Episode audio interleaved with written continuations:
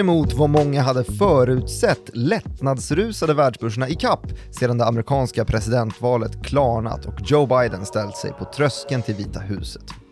Det inbördeskrigsscenario som många befarat besannades inte, i alla fall inte direkt, och trots att vapnen skramlade i det rättsliga efterspelet fanns det veckan efter folkomröstningen få bedömare som trodde att Donald Trump skulle kunna hålla sig kvar vid makten. Hur blev det egentligen så? Och vad var det som gjorde att valet inte utmynnade i börskaos, trots att läget länge var just tämligen oklart? Det frågar vi oss i det här avsnittet av Follow the Money, en podcast om makt, storfinans och börsen av och med mig, Martin Nilsson och utrikesredaktör Joakim Rönning som inför det här avsnittet lovat att sammanfatta det bästa med den i övriga världen ganska smutskastade Donald Trump. När ska du göra det, jo, utrikesredaktör Joakim Rönning? Ja, det ser du fram emot va? Det är verkligen, Ja. verkligen. Nej, vi får väl komma till det lite senare. Ja, Okej då, vad vill du börja med Ta istället det lite då? mer dagsaktuella, eller det mer veckoaktuella kanske. Vad är det veckoaktuella då? Ja, att vi ehm, har gått igenom denna valsäsong som vi eh, nyss pratade om i förra podden och eh, kommit fram till att vi har en uh, slutmässig, slut, en slutgiltig segrare som Är det inte etablerat verkligen då? Det är det inte, men eh, ehm, det är väl väldigt lite som talar för att Donald Trump ska kunna vända på det här. Mhm. Eh, kanske att han hade haft en möjlighet om det bara hade varit, alltså, om, om resultatet bara hade liksom stått och fallit med en delstat. Men nu är det ju- alltså rättsliga eh, Ja, han måste väl vinna, i, i han måste vinna minst två delstater och i vissa fall tre delstater för att ha en chans att vända och få 270 elektorsröster som ju är det man behöver. Mm. Men skulle det inte kunna räcka då med att bevisa att det är valfusk i en delstat för att man ska kunna i alla fall eh, kräva något form av omval, eller hur funkar det? Nej, det beror ju på då. Han måste ju komma över gränsen till 270 då för att ändå göra, göra liksom eh, anspråk på Vita huset. Okej. Och eh, ja, Pennsylvania räcker inte för att han har inte 250 Mm. eh, som det är, utan han behöver då Pennsylvania och minst en till då, eller vad ska jag säga, en till utöver Pennsylvania. Men om man skulle få någon typ av framgång i det juridiska spelet i Nevada så skulle inte det räcka till exempel, för det är bara sex elektorsröster. Just det. Eh, Pyttestat. samma i Arizona och Georgia då, som är de andra eh, som de träter om. Men sen så är det ju lite grann också i egentligen alla delstater som han hade ledningen i när vi gick ur valnatten eller vad man ska säga. Mm. För han utropade sig ju till segrare där ganska precis innan folk började vakna upp här i Sverige. Och då var Eh. väl oddsen också på hans sida? Ja, precis. Och det var ju då för att man hade sett det här valutfallet eh, i de direkta valdagsrösterna som väldigt gynnsamt för Trump då. Och det var ju någonting som många eh, siare hade sagt också att Trump kommer ju ha eh, f- Alltså, den största andelen av de som går och röstar på valdagen kommer rösta på Trump. Eh, Mm. Republikaner röstar i mycket ut- större utsträckning på valdagen och ja, då säger det sig självt egentligen. Sen så är det väl eh, lätt att bli konspiratorisk kring det här spelet som var redan innan då i fråga om de här poströsterna som ju har blivit väldigt populära under den pandemi som vi står upp i upp till halsen i. Mm. Det känns som att vi står eh, upp i halsen i, i både val och pandemi, men man får så jäkla mycket information överallt Ja. ifrån. Man är lite trött så här på nyhetsredaktions... Eh, Ja, pratat Arbetet. val i ett halvår och sen så när det väl är valdag så inser man att ah, nej, men det här kommer ju hålla på ända till januari när maktskiftet sen sker i alla fall. ja, i det här fallet så blir det ju så eftersom att vi har en så, eh, liksom, ska man säga, okonventionell icke-politiker som, som president ju. Mm. Eh, det tror jag inte Donald Trump har någonting emot att jag säger, för det säger han ju själv till och med. Nej, det I'm finns ju okonventionella saker som eh, folk utropar som positivt. Till exempel eh, kvantitativa lättnader som vi nämnt i den här podden Ja. tusen gånger. Jättebra. Men jag hoppas att den här följetongen kring valet i alla Mm. fall inte blir riktigt lika lång som typ Brexit som känns som, att de har hängt med oss i, i alldeles för lång tid. Ja, Eh, ju, på tal om saker man är trött på. på tal om saker som man inte vet om man pratar för mycket eller för lite om. Exakt så. Ja, men du, men, dagens podd då? Eh, Ja. Vad, vad, vad ska vi eh, reda ut egentligen? men jag tycker väl att vi ska ta och reda ut eh, dels då val, valutfallet här, ehm, vad, vad, vad vi har för sannolikheter att röra oss med och sen lite grann börsutvecklingen, vad var det som hände egentligen? Ah, börskoppling, det är Ja. kul. För din skull. Tack. Nej men, eh, om vi nu ska gå ner till, eh, vad ska man säga, det som hände på, på valnatten då. Så, som sagt, när, när Trump, eh, innan Trump gick och la sig, innan vi svenskar gick upp, Mm. Eh, tidig morgon på, i onsdags, eh, svensk tid då, så utropades han, han sig ut till segrare i valet och det var han ju helt ensam om egentligen. Det var ju inga ehm, liksom valobservatörer i form av media eller ehm, eller några andra alltså myndigheter som gick ut och sa att vi har en vinnare. Det har ju myndigheterna fortfarande inte gjort. Ehm, så, så det är ju inget konstigt med det, men det här att han utropade sig var ju av många sätt som en direkt attack mot demokratin. Och som sagt, det är ju lätt att bli konspiratorisk då utifrån att eh, han och Republikanerna under hela, hela valupptakten har pratat om det här med poströsterna, att post, poströsterna inte ska räknas egentligen. Eh, och, Varför då? Ja, men för att det då ska vara någon typ av osäkerhetsfaktor där som de har eh, ja, ser som ett rött skynke i Republikanska partiet som det är stöpt nu. Eh, det har ju aldrig varit ett problem tidigare utan det, det är ju först nu som man börjar Men exakt, men det måste väl funnits i alla, alla tider? Ja, ja, absolut. Alltså, verkligen i alla tider. Det finns ju, det är ju omöjligt för en del att gå och rösta liksom. Det är ju, ta, även, både när det var inbördeskrig i USA, när det begav sig på 1800-talet och liksom fram i modern tid när man har haft trupper utomlands som inte har kunnat rösta i, i vallokaler i, i USA så har man ju använt sig av postsystemet. Och typ under pandemier och sånt där så kanske Ja, det är ju ett extra skitbra populärt. verktyg i just pandemier kan man ju tycka, men det tycker ju inte alla då uppenbarligen.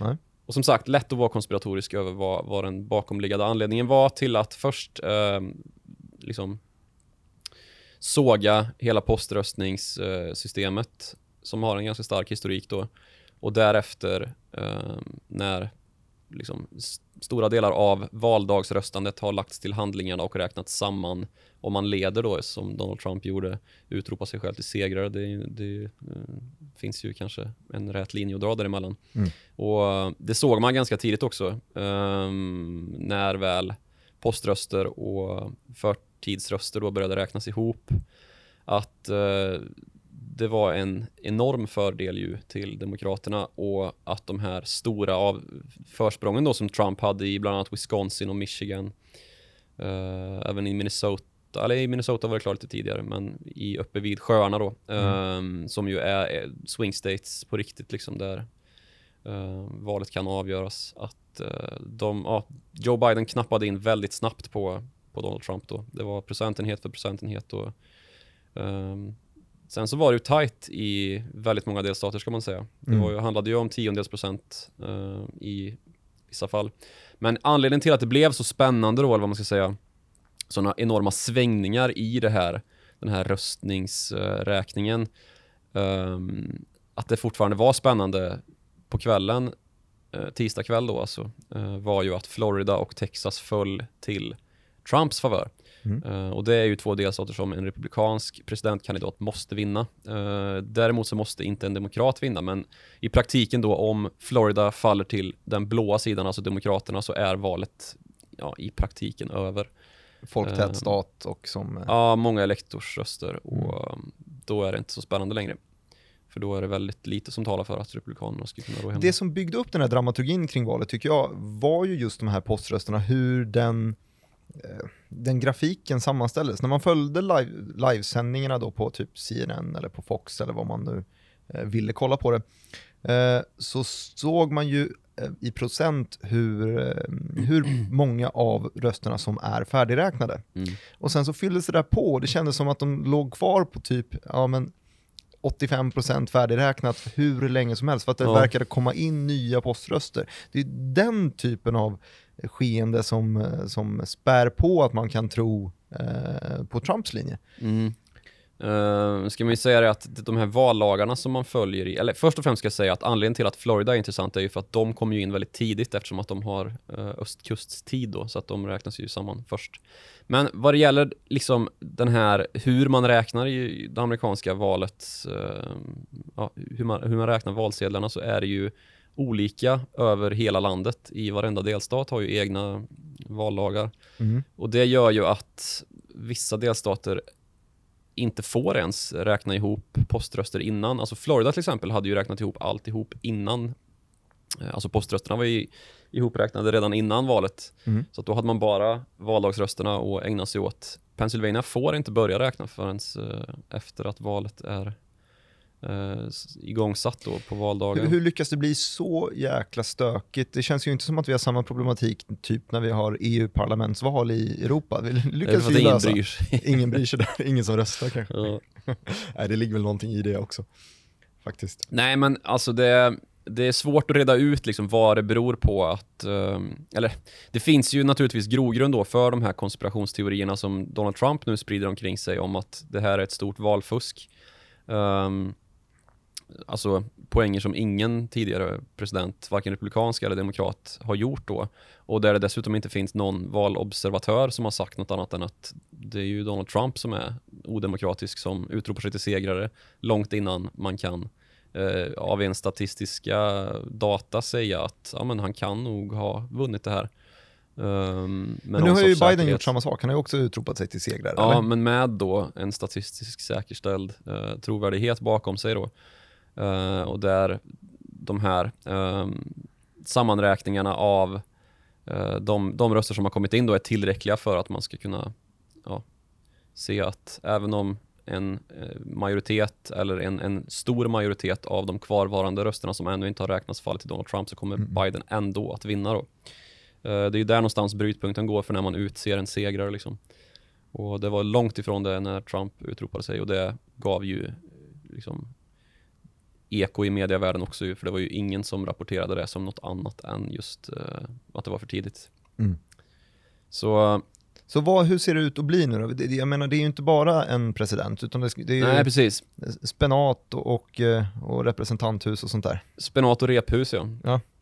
Nej, men vi kan väl titta lite på börsutvecklingen då. Ehm, för det var ju en utveckling som kanske väldigt få hade förväntat sig med det utfall som blev ju.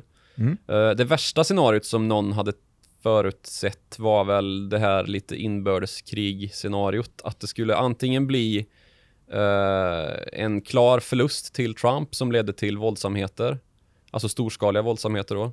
Nu Mm. tror jag att man har underskattat eh, de federala myndigheterna, alltså FBI i USA, eh, lite för mycket. För det har ju inte blivit någonting alls eh, av den varan, eh, i någon större skala i alla fall. Nej, alltså om vi snackar dramaturgi än en gång i den här podden så byggde man ju den storyn ganska väl genom att man visade hur man satte upp, eh, man förberedde sig för looting-scenarion. Man satte upp eh, stora typ plywoodskivor framför butiksfönster och så vidare och tänkte att det här kommer bli en stökig bu- Vita huset blev en bunker var det någon rubrik jag läste. Det Ja. var, det ju inte såklart. Men då Eh, kanske du menar att FBI har varit ute och sett Ja, men jag att... tror nog att det fanns bättre koll, alltså det, jag tror att det finns bättre koll på de här separatiströrelserna, alltså rebellgrupper då som, som ju är, det får man ju ha i USA, det är ju federal, ehm, det är en del av konstitutionen att, att eh, befolkningen ska få lov att beväpna sig mot en potentiellt tyrannisk eh, regim då som sitter i Vita huset. Mm. Så det, men jag, jag tror att det också följer med det att de federala myndigheterna har bättre koll på de här eh, separatiströrelserna än vad vi kanske kan ha i många andra delar av världen. Eh, ingen nämnd, ingen glömd kanske. Men ehm, det andra scenariot som många hade befarat ju var någonting som ändå liknade här utfallet lite grann, att det skulle bli väldigt, väldigt jämnt och att eh, det skulle omtvistas då vem som egentligen är vinnare Mm. och att det skulle bli det här långvariga eh, ja, gridlock, vad är det på svenska? Ett, liksom, en låsning Mm. för hela, hela den amerikanska eh, framtiden. Liksom. Vart är landet på väg? Vilken president är det som är på väg egentligen? Och om inte det hade gått att säkerställa då eh, på väldigt lång tid. Och dessutom eh, så fanns det väl något sorts scenario som är också en variant av det vi ser idag då att, att Trump vägrar att eh, se sig besegrad.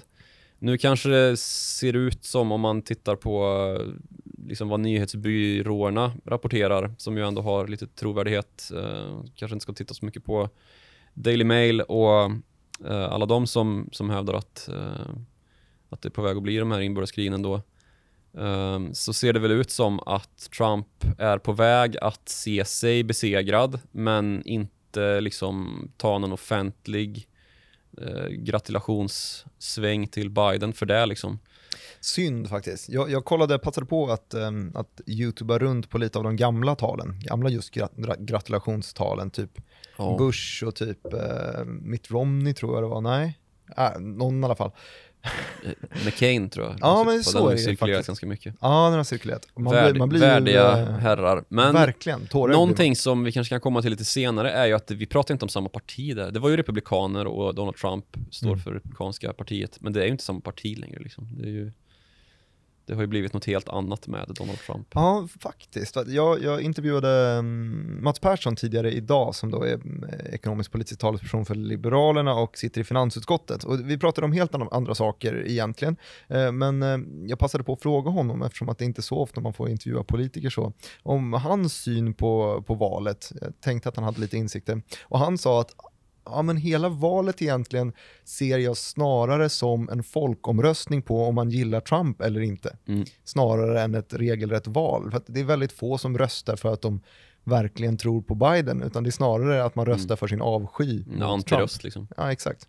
Och det har vi ju sett också en del, det är ju fortfarande, han har ju fortfarande väldigt hög ehm, ehm, Ja men en väldigt hög likability i Republikanska partiet, den ligger på Mm. runt 90% som, som liksom eh, godkänner honom som han och hans gärning som republikansk eh, man- alltså, Men tror du att den siffran men- kommer, kommer finnas kvar även om vi låter det gå tio år? Om man tittar tillbaka på hans gärning så. Tio alltså- år är ju svårt att säga om men Ja, det jag menar, det jag vill ta på med den frågan är väl snarare det här att eh, ehm, är det så att man kanske är, man vill verka vara en enhet, så att är han rep- republikanernas ledare, då står man bakom honom oavsett om man har lite, Alltså det är ju samtidigt så här att de har ju ingen annan ledare. Visst, Mitch McConnell i senaten, men alltså Trump har ju kommit att definiera det här partiet så enormt mycket de senaste fyra åren, eller fem åren egentligen under, under eh, primärvalen också. Mm. Så jag tror det är svårt att liksom tänka sig vem ska man annars liksom upphöja som ledare i partiet. Och det, sen så finns det ju den här lilla problematiken med eh, Alltså man kanske inte ska dra raka jämförelser med diktatorer och demokratiskt valda presidenter. Eh, men alltså i Zimbabwe så hade ju Robert Mugabe 99% uh, likability tills dess att han inte längre var diktator och då hade han ju 0% dagen efter liksom.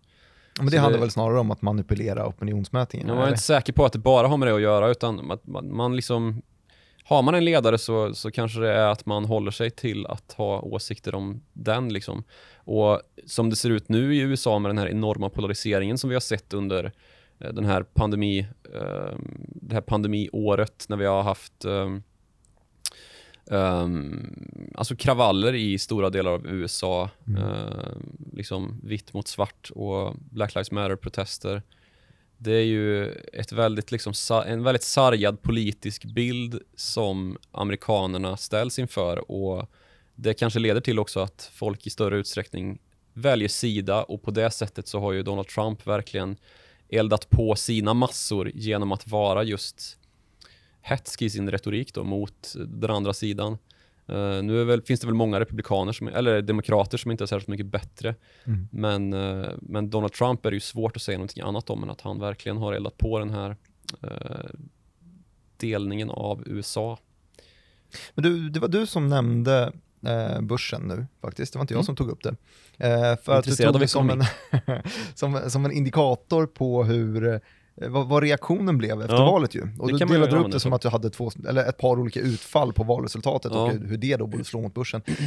Jag tycker inte att det har hänt så jäkla mycket med Nej, börsen. det har ju varit uh, hås liksom. Eh, det, det togs ju emot väldigt väl, det här valutfallet, kan man väl bara krasst konstatera. Och som sagt, det var ju kanske inte vad man hade tänkt sig eh, om man hade presenterat det utfallet från början. Men summa summarum är ju att visst, vi får Biden i eh, Vita huset, mest troligt. Mm.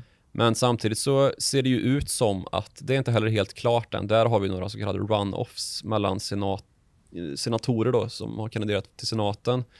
Det ser ju ut som att republikanerna kommer eh, hålla kvar makten där med någon, någon röst. Mm. Eh, och de har ju praktiken makten att stoppa de här uh, skattehöjningarna då som ska göras på höginkomsttagare. Mm. För att finansiera eh, ja, infrastruktur, eh, klimatomställning och eh, det ena och det andra.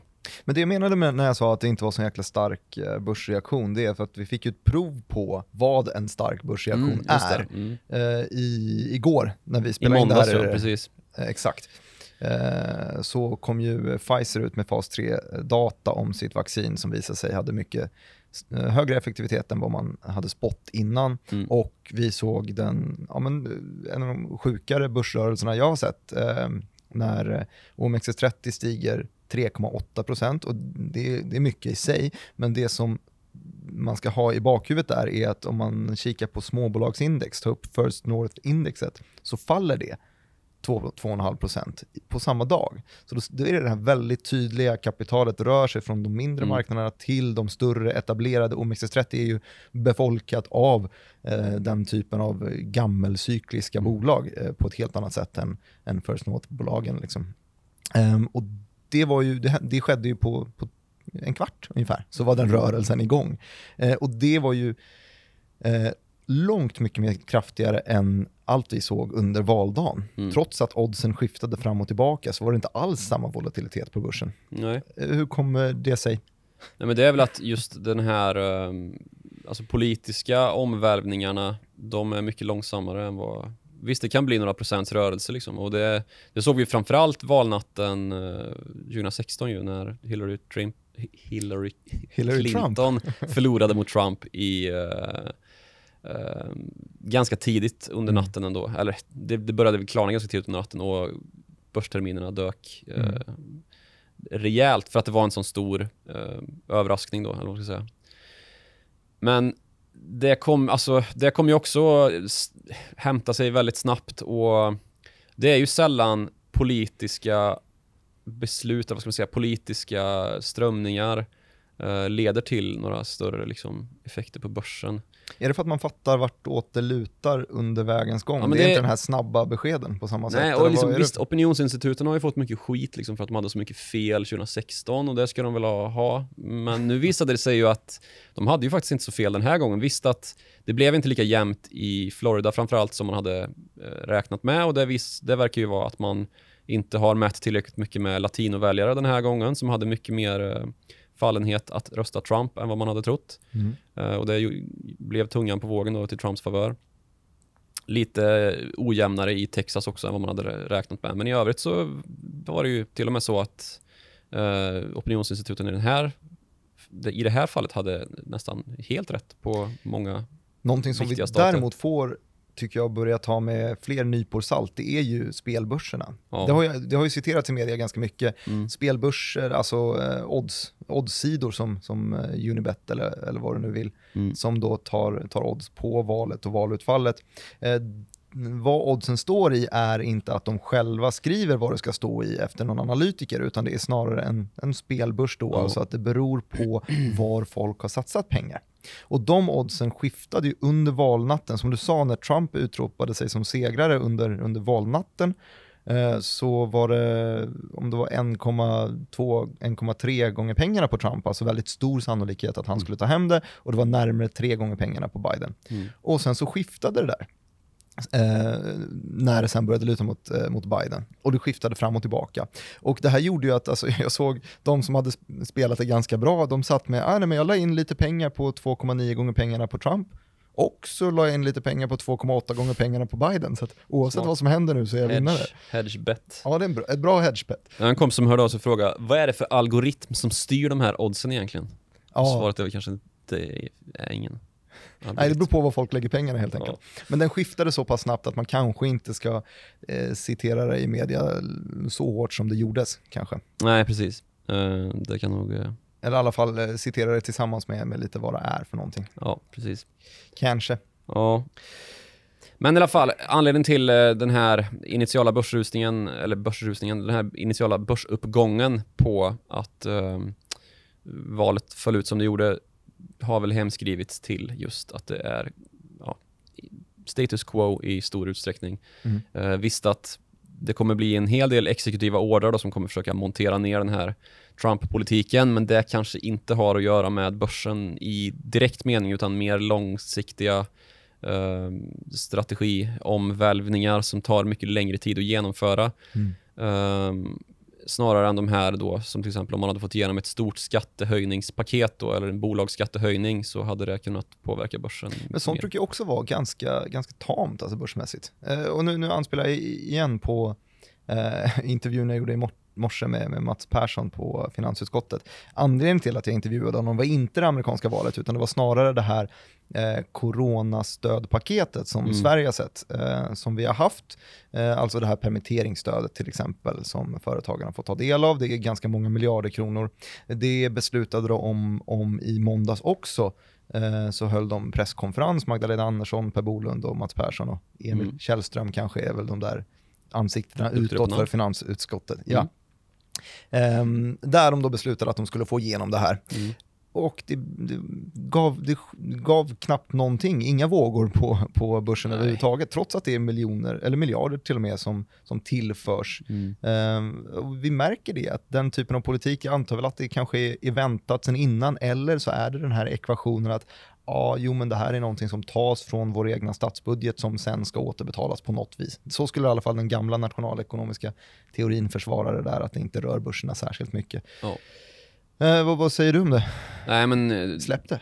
Ja, släpp det. Nej men alltså det, det, det kan ju hända att det blir stora eh, pinpoint-satsningar som ger en del effekt. Det har vi ju till exempel sett inom cleantech Ja, det är sant. eh, aktier sen, ja, sen pandemin kom och hela ekonomin stängdes ner och politikerna kom på att shit, det här är ju ett skitbra tillfälle att starta upp ekonomin igen med lite grönare satsningar Mm. eh, på energiområdet. Då. Och det, där har vi ju sett rejäla effekter inom allt från vätgas till eh, eh, vind. Solenergi och... Vet du förresten vilken eh, nationell eh, huvud, vilket nationellt huvudindex som var det enda igår som var eh, ner?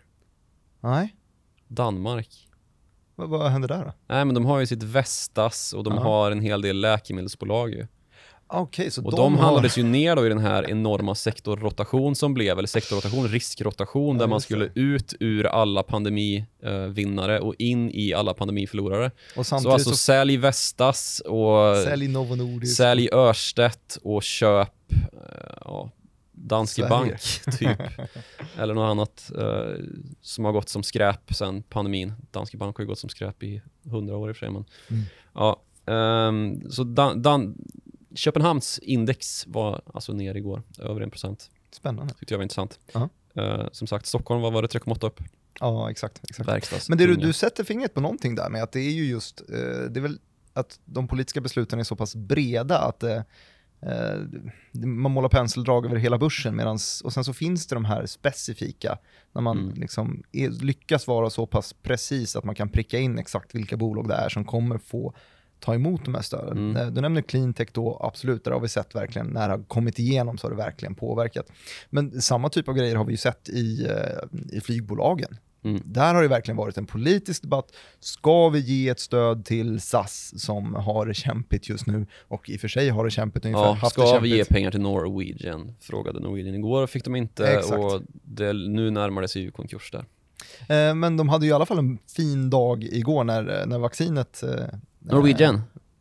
Ja, när, när, när, jo, men när, när vaccinnyheterna kom igång så, så fick de ju eh, en jäkla hås i aktiekursen. Ja, de stack upp men de slutade typ 14% ner ändå till slut. ja, det blev så. Eh, men Stackarna. eh, jag skrev faktiskt en nyhet i morse om BP och just danska Örstedt som ett energibolag som ju en gång i tiden var mest inriktat på olja naturligtvis, olja och Mm. gas. Men som nu allt mer ställer, ställt om då till grönt. Det är väl det nordiska eh, energibolag som har kommit längst med det.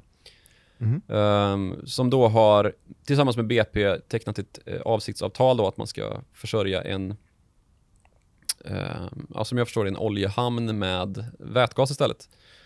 Och um, då står det då i det här pressmeddelandet från BP att uh, man kommer söka medel från den här uh, EUs gröna fond, då, omställningsfonden. Så då får de här, det blir ju ändå lite katalysatoriska effekter Mm, när, du får en kris och så ska man bygga upp ett nytt samhälle igen. Då får Mm. man, kan man rikta om stålarna lite grann. Läckert. Du, är vi, eh, i avsnittet idag så började vi på, på amerikansk politik och nu har vi hamnat i cleantech-sektorn och lite Norwegian och SAS istället. Mm. Eh, jag skulle vilja komma tillbaka lite till det amerikanska valet. Eh, framförallt så skulle jag vilja nu kräma ur dig, vad, vad, hur kommer vi minnas Trump? Ja, ehm, det återstår att se, skulle jag säga. Men, och det, jag kommer fram till det så småningom här, varför det återstår att se. Eh, att det kanske inte riktigt är slut än. Mhm. Eh, och det har inte med det här valet att göra. Men uh, alltså, um, han skulle ju make America great again sa han ju. Och, mm. och make han, America great again, again också. Ja, precis. Keep America great sa han ju också. Just det. Här i 2020-kampanjen. Mm. Men det hela började ju med att, uh, eller jag, jag, tycker väl att man kanske kan säga att han har gjort amerikansk politik great again. Uh, den har ju blivit väldigt intressant igen. Mm. Just för att den har blivit en sån, uh, liksom, en sån arena för uh, väldigt olika meningar som går i strid med varandra. Mm. Och kanske lite för mycket då för vissas tycke och smak. Men om man tittar tillbaks på Obamas åtta år vid makten så han kom ju fram med sin kampanj som grundades på Hope och Yes We Can som ju uh, man kanske minns. Mm. Och som sen då slutade i åtta år av uh, desillusionering egentligen.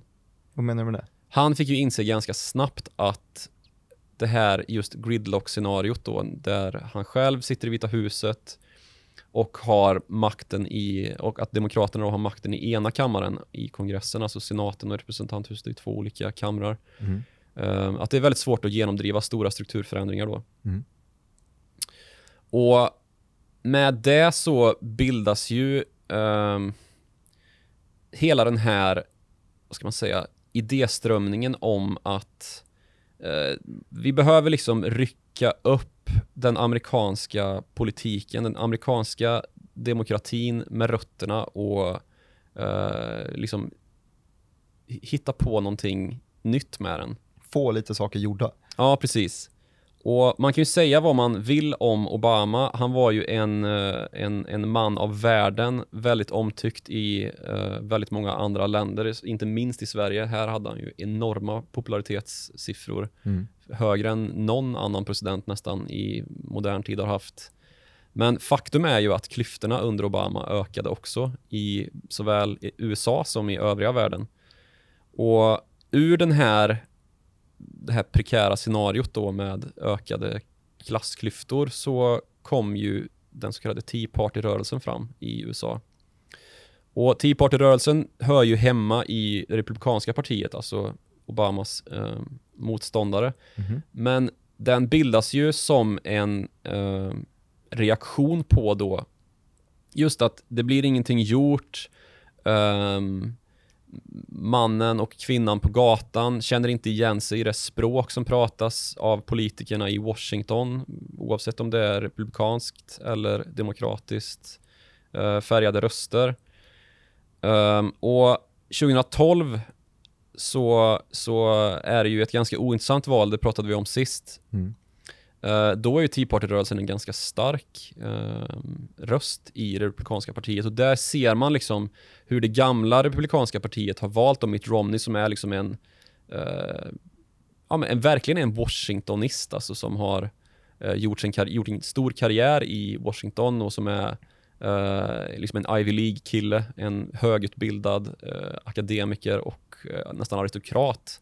Bortkopplad från Ja, precis. Folket. Och det var väl egentligen det sista skriket då som visade sig just bli det sista.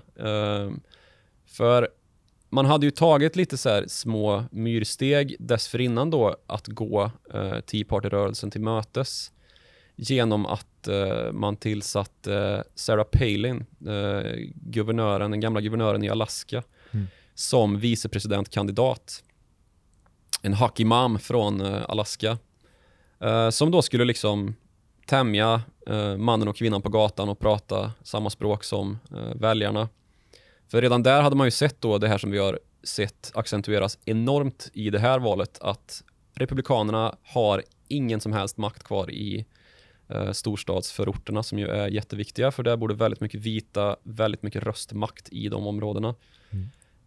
Republikanerna är helt utplånade där nu och det är ju tragiskt att se på amerikanska valkartor hur de ser ut. Det är pionblått runt, eh, pionblått kanske man inte säger, men det är Blått, havsblått runt uh, storstäderna, mm. eller städer överhuvudtaget, och det är pionrött, så säger man nog i alla fall. Det gör man. Uh, överallt annars, på landsbygden i USA. Mm. Så det är ju en enorm splittring och det var väl ett försök då att, eh, att nå ut till uh, de här förortsmammorna som det pratas om i det här valet också ju. Med Sarah Palin och hon var ju, eh, tycker jag i alla fall, en frisk fläkt när det kom till politik i USA. Nu blev det ju ingenting för henne och John McCain, eh, som ju också är en, en av de här liksom mer elitistiskt färgade av den, eh, det republikanska parti som vi har idag, som ju är helt fjärmad liksom från, eh, från den politik som har förts i Vita huset de senaste fyra åren. Mm. Eh, Donald Trump var inte ens bjuden på hans begravning.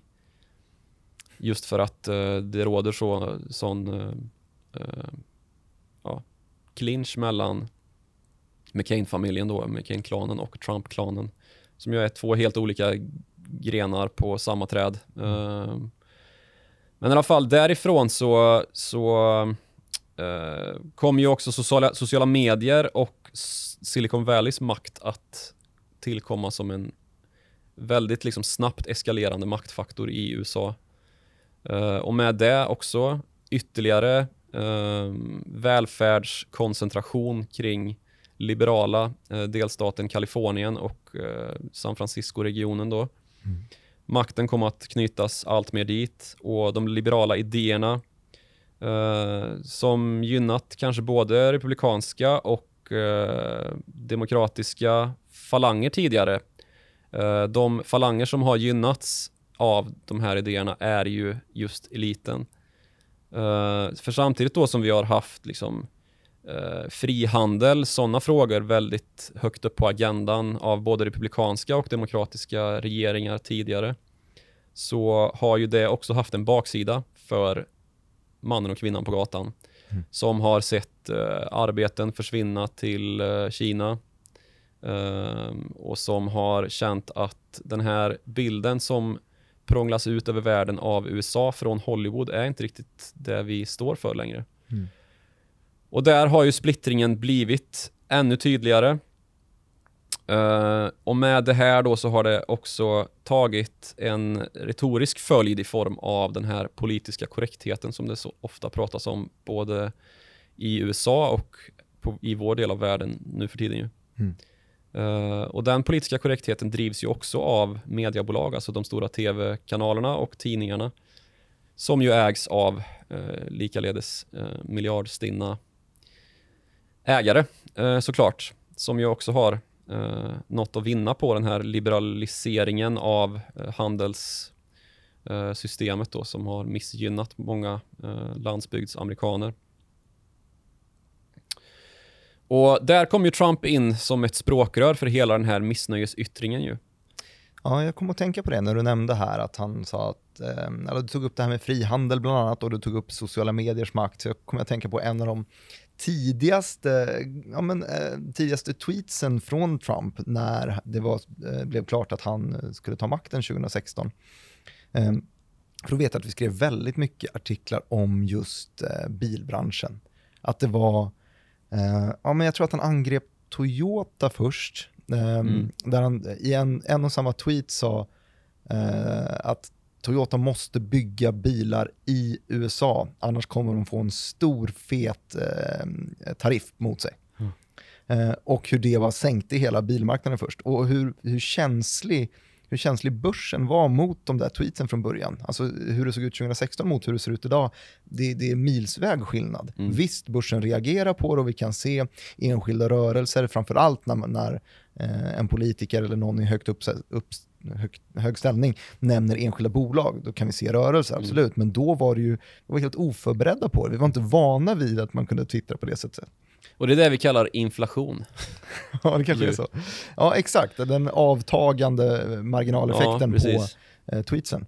Eh, det har det verkligen varit. Man har blivit, eh, man har blivit jaded helt enkelt. Man Mm. har blivit van vid att, att aha, det är så kommunikation sker. Mm. Men det där är också ett bevis på något sätt att kommunikationen sker ut mot hela folket. För det där är ju en, en nyhetskanal, eh, Twitter, som, som alla kan ta del av. Mm. Det, det krävs inte att man sitter och läser The Washington Post eller någon annan stroppig tidning eh, för att kunna ta del av det. Utan precis. det når ut till alla och det når ut direkt och det når ut samtidigt till alla. Så det är, mm, jag förstår att det är, Det är en Eh, öm punkt sett till att eh, det nu börjar censureras också då.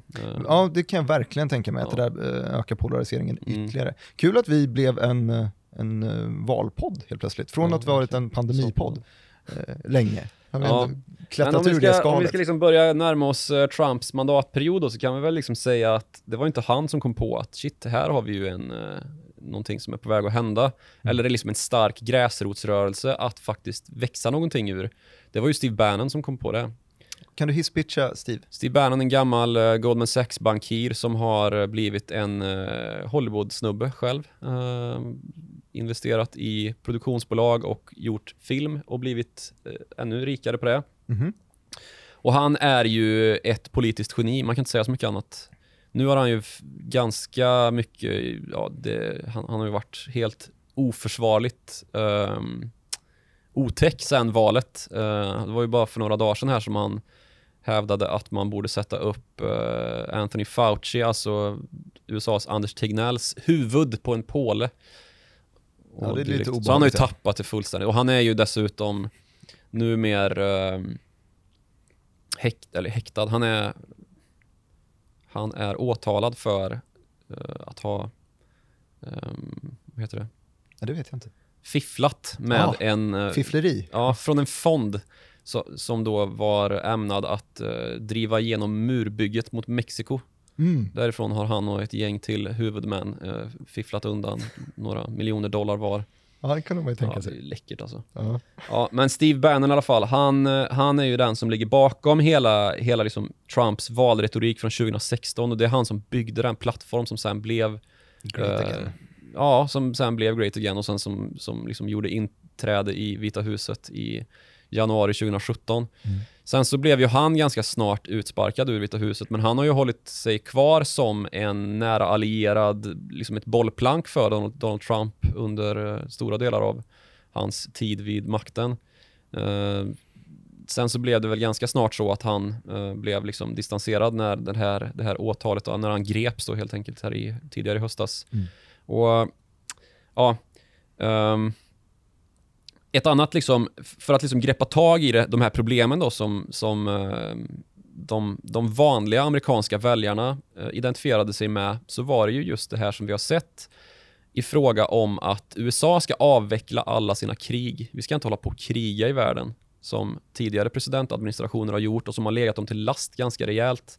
Vi har ju liksom i modern tid, eh, från det att eh, George Bush, den yngre, alltså George W. Bush, bestämde sig för att slutföra kriget som hans far eh, startade 1991 i form av Operation Desert Storm när USA då plötsligt invaderar Irak lite grann utan någon anledning egentligen. Annat än att man hade hittat på att de hade eh, massförstörelsevapen som de ju inte hade. Ehm, och det var ju en usel idé som har kostat USA oerhört mycket pengar och människoliv och som dessutom har vållat totalt kaos i Mellanöstern ju sedan dess. Mm. Och som eh, utan, utan ett, liksom, att Saddam Hussein föll så tror jag inte att vi hade haft ett IS till exempel. Så kanske man ska liksom pausa i, i vart man eh, liksom fördelar skulden för det. Men det är ju beslut som presidentadministrationer har fått stå med skammen för. Um, sen tänker vi då Obama, men han startade väl inga krig? Jo, det gjorde han. Han var med i både Syrien och i, uh, i Libyen. Och i alla fall det senare, Libyen, så har ju han eh, varit tydlig med att det var ett av min presidentadministrations största misstag. Eh, Hillary Clinton gick ju till val på att det var en bra idé, men det har ju visat sig senare med eh, flyktingvåg och eh, total misär att Libyen blev ju, eh, alltså det är bara några kilometer till EU därifrån. Eh, Lampedusa, den italienska ön som ju blev ett eh, flyktinginferno som inte var värdigt eh, humanitärt eller eh, ja, på något sätt egentligen. När eh, eh, Gaddafi, då, diktatorn i Lib- Libyen, föll under eh, den här eh, amerikansk stödda, eh, vad ska man säga, milisupproret som, som fällde Gaddafi. Mycket misslyckade Ja, krig mycket misslyckade krig. enkelt. Och Trump gick ju till val på att han skulle sluta, han skulle få det här, han skulle dra tillbaks alla amerikanska trupper. Och där har han ju stött på eh, patrull i eh, ja, bildlig mening. För militärerna, de höga militärerna i USA har ju vägrat gå med på det. Och, Du menar att det finns någon form av egenintresse av att fortsätta kriga? Alltså det, det är väl svårt att liksom svårt att sia om, men det är ju också så här att har man, har man väl tagit fan i båten så får man roan i land också. är det talet? Ja, ja, det är det. ja, det är fint. Ja, och det tycker väl eh, hedervärda amerikanska generaler att man ska göra då. Eh, och även då försvarsministrar som man har anlitat och det är ju där också många konflikter har kommit sig av ju. Mm. Eh, Rex Tillerson, dumb as a rocks, eh, dumb as a rock blev han ju kallad av eh, Donald Trump Mhm. eh, efter att han blev avskedad då. Och han har ju tappat eh, anseende hos många militärer då för sitt sätt att försöka eh, överge allierade och såna här grejer som är eh, heder, hederssaker att man inte gör då för amerikanska militären då. Som till exempel man försökte dra tillbaka all trupp från Syrien ju och lämnade kurderna eh, vind för våg att eh, ställas mellan syriska eh, regimsoldater och turkar då liksom, eh, i norr. Det var ju någonting som blev väldigt eh, omtalat och som eh, fick EU att eh, ja, sparka bakut och många, många andra också ju. Men sen så har man ju fört eh, liksom försökt dra sig tillbaka från Afghanistan och det har inte heller gått eh, riktigt som man har tänkt sig. Och det har väl också lite grann, det är inte bara militären utan det är också liksom att Trump vill inte heller bli den president som har förlorat kriget mot talibanerna. Eh, så då har man ju försökt få till olika fredsfördrag och det funkar ju inte liksom. Det, det är ju fredsfördrag ena dagen och sen självmordsbombattack och 70 döda andra liksom, så det har inte funkat. Mm.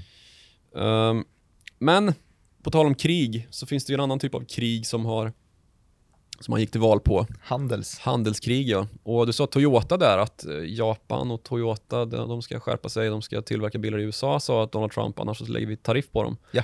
Eh, det har ju varit modellen Eh, och Trump om någon minns ju eh, som fastighetsmagnat hur det var med japaner på 80-talet. Hur var det då? Ja, det var ju när Japan gick från att vara en liksom, ska man säga, slentriantillverkare som Kina är i mångt och mycket idag till att bli då en högkvalitativ ehm, ekonomi med väldigt hög high-end produktion och eh, dessutom att man värderade upp sin valuta och blev enormt rika. Mm. Ehm, det har vi nämnt flera gånger. Vad är de tredje största ekonomin i ja, världen? det är de väl? Kanske. Mm. USA, Kina, Japan. Ja. Ryssland ska in där någonstans också kanske. Nej, det Kanske är långt ner på listan. tror jag. Ja, men i alla Nej, fall. långt ner. det finns en sån här anekdot då om att eh, något visst år på 80-talet så när man värderade marken under det kejserliga palatset i Tokyo så var marken där värd mer i nominella tal än vad Kanada var. Mäktigt. Mäktigt. Ja. Ja. Men i alla fall att eh, han, han minns det ehm, och den krasch som, som blev följden då när man eh, ja, gjorde bort sig i Japan och det blev finanskris till slut för att man eh, tog sig vatten över huvudet med ehm, ja, att manipulera sin valuta. Mm. Och det är ju någonting som Trump-administrationen har gjort bra, tycker väldigt många i väst. Både i Europa och i eh, USA ju. Att man gick till handelskrig med Kina och eh, got tough som eh, han gick till val på att man skulle göra. Och hur har det gått för bilindustrin? ja, det är syrligt. Ja. Nej, men det, det är ju uppenbart att det, men det är många andra faktorer där också. Det är en sån enorm omställning man gör nu med, man ska gå Tesla har ju gjort eh, stora framsteg. Ja, just det. Tesla gick det bra för. Mm. Nej, men det, det är ju en väldigt liksom tydlig parallell att dra där mellan Japan och Kina. För Kina är ju en valutamanipulatör och det har man inte riktigt vågat säga då för att man vill handla med Kina eh, i tidigare administrationer Mm. och även från EUs håll. Att det är frihandel som gäller, det här liksom Goldman Sachs-synen på världen. Eh, vi ska handla med allt och alla och det är det som ger frihet. Men det har det inte gjort i Kina än i alla fall. Eh, utan man har ju fortfarande en kommunistregim där att tampas med. Mm. Ehm, och det, har ju, det är ju någonting som Trump kommer lämna efter sig som inte jag tror kommer uh, vridas tillbaks till ett normalläge igen. Det där kriget har startats och Biden kommer ta tag i samma tyglar och rycka. Ja, jag tror faktiskt det. Mm. Eh, sen så får vi väl se liksom hur, hur han sköter de här tyglarna. Han kanske spelar på en något lägre risknivå i alla fall. Mm, precis. Och sen kanske det här handelskriget som också förts mot eh, EU ju Mm. kommer föras mer på ett Obama-likt vis än på ett Trump-likt vis. Att det blir lite back to normal liksom. Och det tror jag är en liksom av, avsevärd faktor i det här valet att folk är så liksom adrenalinuttröttade, att man bara vill ha lite så här, ja, men som det var förr, lite, läsa lite nyheter som handlar om ingenting egentligen nytt i den här konflikten mellan Boeing och Airbus och sådana här liksom uråldriga handelskonflikter som det ju är, som har pågått i liksom 25 år typ. Vad ska vår podd han, handla om? Postvalet då? Mm. Det kommer bli Boeing och Airbus. ungefär. Kanske kommer bli lite tråkigare. Ja. Det vore skönt också. Ja, lite.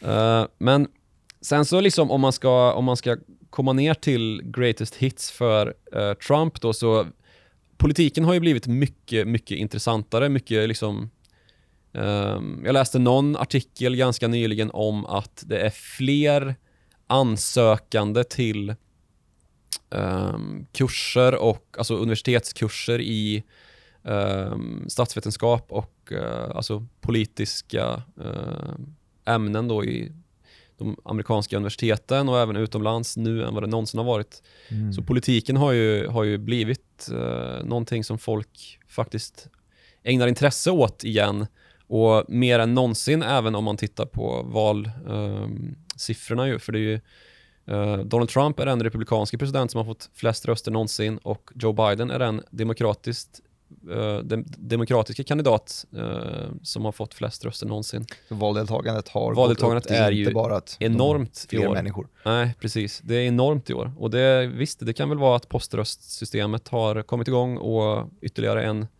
en liksom, eh, varningsflagg som Donald Trump tog tag i och Folk har gjorde ingenting liksom att göra med. för att de sitter hemma i lockdown istället. Nej, precis. De sitter hemma och röstar istället. Ja. Typisk pandemieffekt. Ja. Men det här, ehm, att han skulle drain the swamp då och ta itu med den politiska korrektheten och Washington-lingot som eh, eh, Sarah Palin anspelade på i sin eh, framgångssaga som tog ett abrupt slut när eh, John McCain inte blev vald. Mm. Där har han ju faktiskt fallit offer för sig själv. Hur menar du då? då? Ja, att korruptionen i Washington som han då eh, hävdade var en av de främsta anledningarna till att han överhuvudtaget engagerade sig för att ge Amerika tillbaka till de amerikanska väljarna. Um, det slutade ju med att han tillsatte sin egen familj på väldigt höga positioner i Vita huset helt utan uh, meriter för det.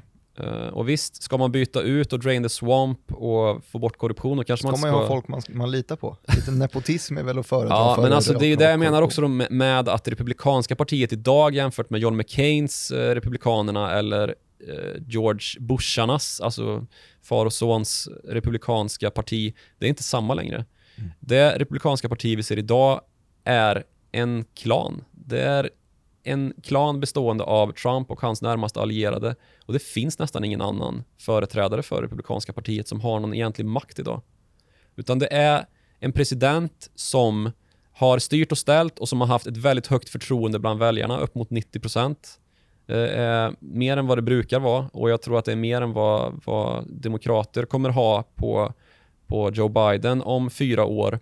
Eh, Just för att den fora som nu sätts in i Vita huset är väldigt mycket tillbaka till det normala, som sagt. Det är liksom inte så långt ifrån vad Hillary Clinton hade tillsatt i Vita huset om hon hade blivit vald 2016.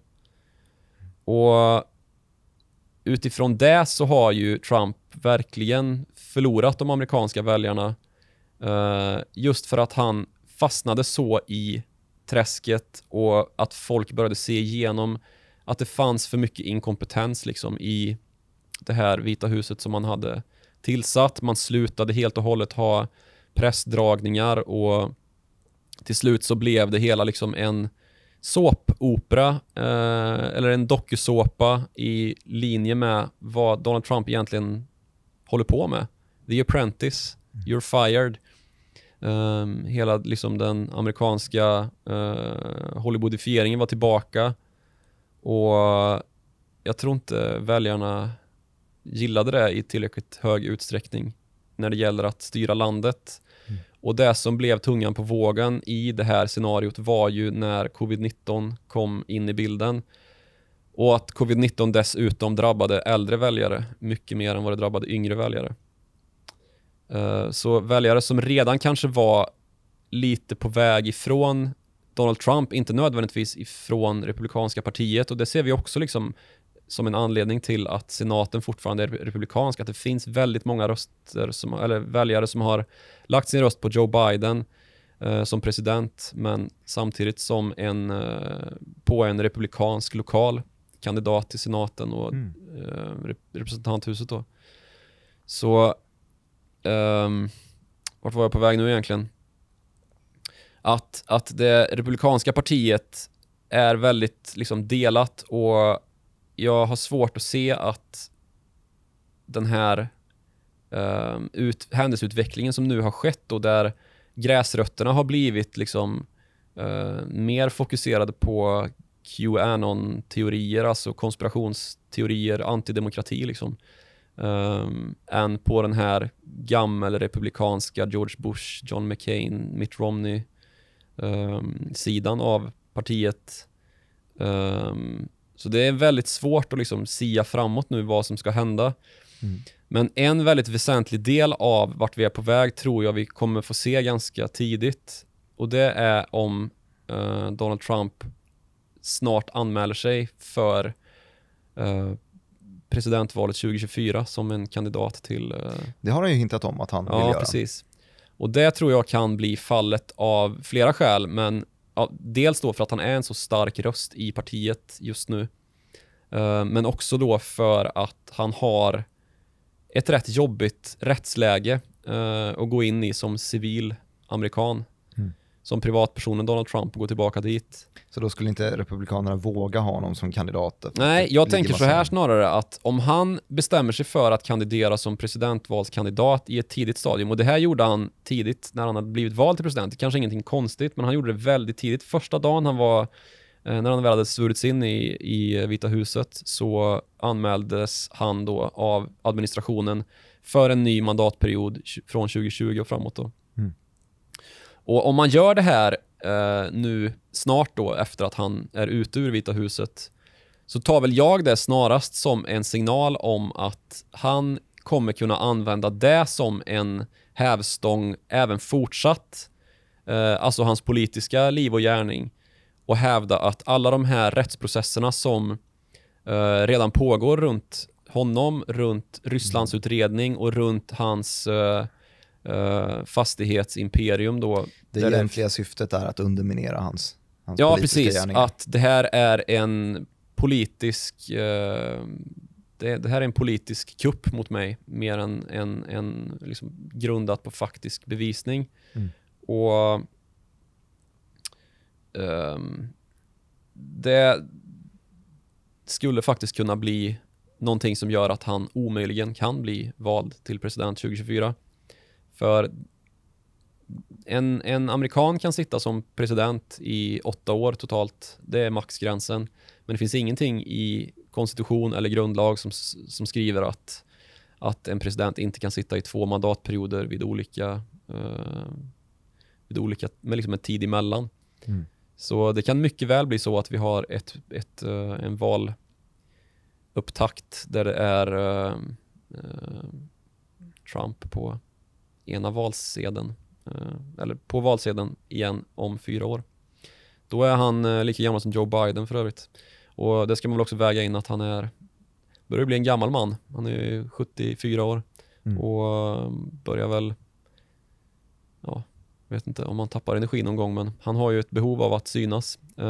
Och som sagt, en stark röst och en stark plattform så det är inte alls otänkbart att han skulle kunna köra igång en ny valkampanj om några år. Det lär vi ju bli, bli varse. Vi ska kolla i alla fall om han, eh, om han faktiskt lämnar in papperna för att ansöka till 2024-perioden i alla fall. Mm. Eh, Joakim Rönning, vi har, eh, vi har pratat om, eh, om börs lite grann idag, men mest av allt om amerikansk politik. Och det är mysigt att höra dig prata om det, för att du kan ju mycket om det. Tack. Men, eh, men jag är glad att du i alla fall drog kopplingen börsreaktioner idag, för då hann vi prata lite grann om att den, absoluta börsreaktionen vi fick eh, var inte på grund av det amerikanska valet utan vi fick verkligen känna på krydda när eh, vi fick första hinten om att ett färdigt vaccin står för dörren och det är Pfizer som står för det. Och sen så pratade vi lite grann annat om hur budgetar kan påverka börsen just när man lyckas vara tillräckligt precis i en budget, då kan det påverka till enskilda bolag och då snackar vi om clean tech-sektorn där det har varit tydligt. Vi snackar om stödpaket till flygbranschen som SAS och Norwegian till exempel. Eh, men mest av allt så pratade vi om eh, politik och det lär vi väl göra igen för att det rör ju ekonomin. Ehm, men för nu så får det väl vara nog känner jag. Är du klar? Jag tror det. Skönt. Skönt. Mm. Bra jobbat idag eh, och bra jobbat till, till er som har tittat. Skönt att ni hängde med. Skönt ni också som valde att lyssna istället för att titta. Det är, det är bra det också. Man kan ju lyssna på oss via de flesta podcastappar Eh, som ja. till exempel iTunes, Acast, Spotify och de där. Så kan man lämna en recension också. Det kan man det göra. vi säga ibland, men det gör Sitt, Gäspar du nu? Jag är trött. Jag känner mig klar med det här valet nu. Nu känner du dig klar med valet. Ja. ja. du anklagade precis Donald Trump för att eventuellt vara lite, ifrågasätta hans energinivå i alla fall. Ja. Nu ifrågasätter jag din. Men jag, jag går inte på Adderall du... heller. Nej, det är väl sant. Du får i alla fall krya på det till nästa vecka. Jag som John McCain.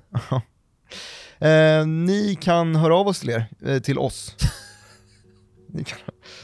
Så här blev det här avslutet. Av. När man har suttit i en timme och, och tjötat. Ja. Man kan skriva på mailadress, eh, followthemoney.direkt.se. Man kan också skriva till snabel Joakim Running på Twitter. Och till snabel direkt Martin på Twitter. Det kan man också göra ja. Ha det otroligt fint så hörs vi igen nästa vecka.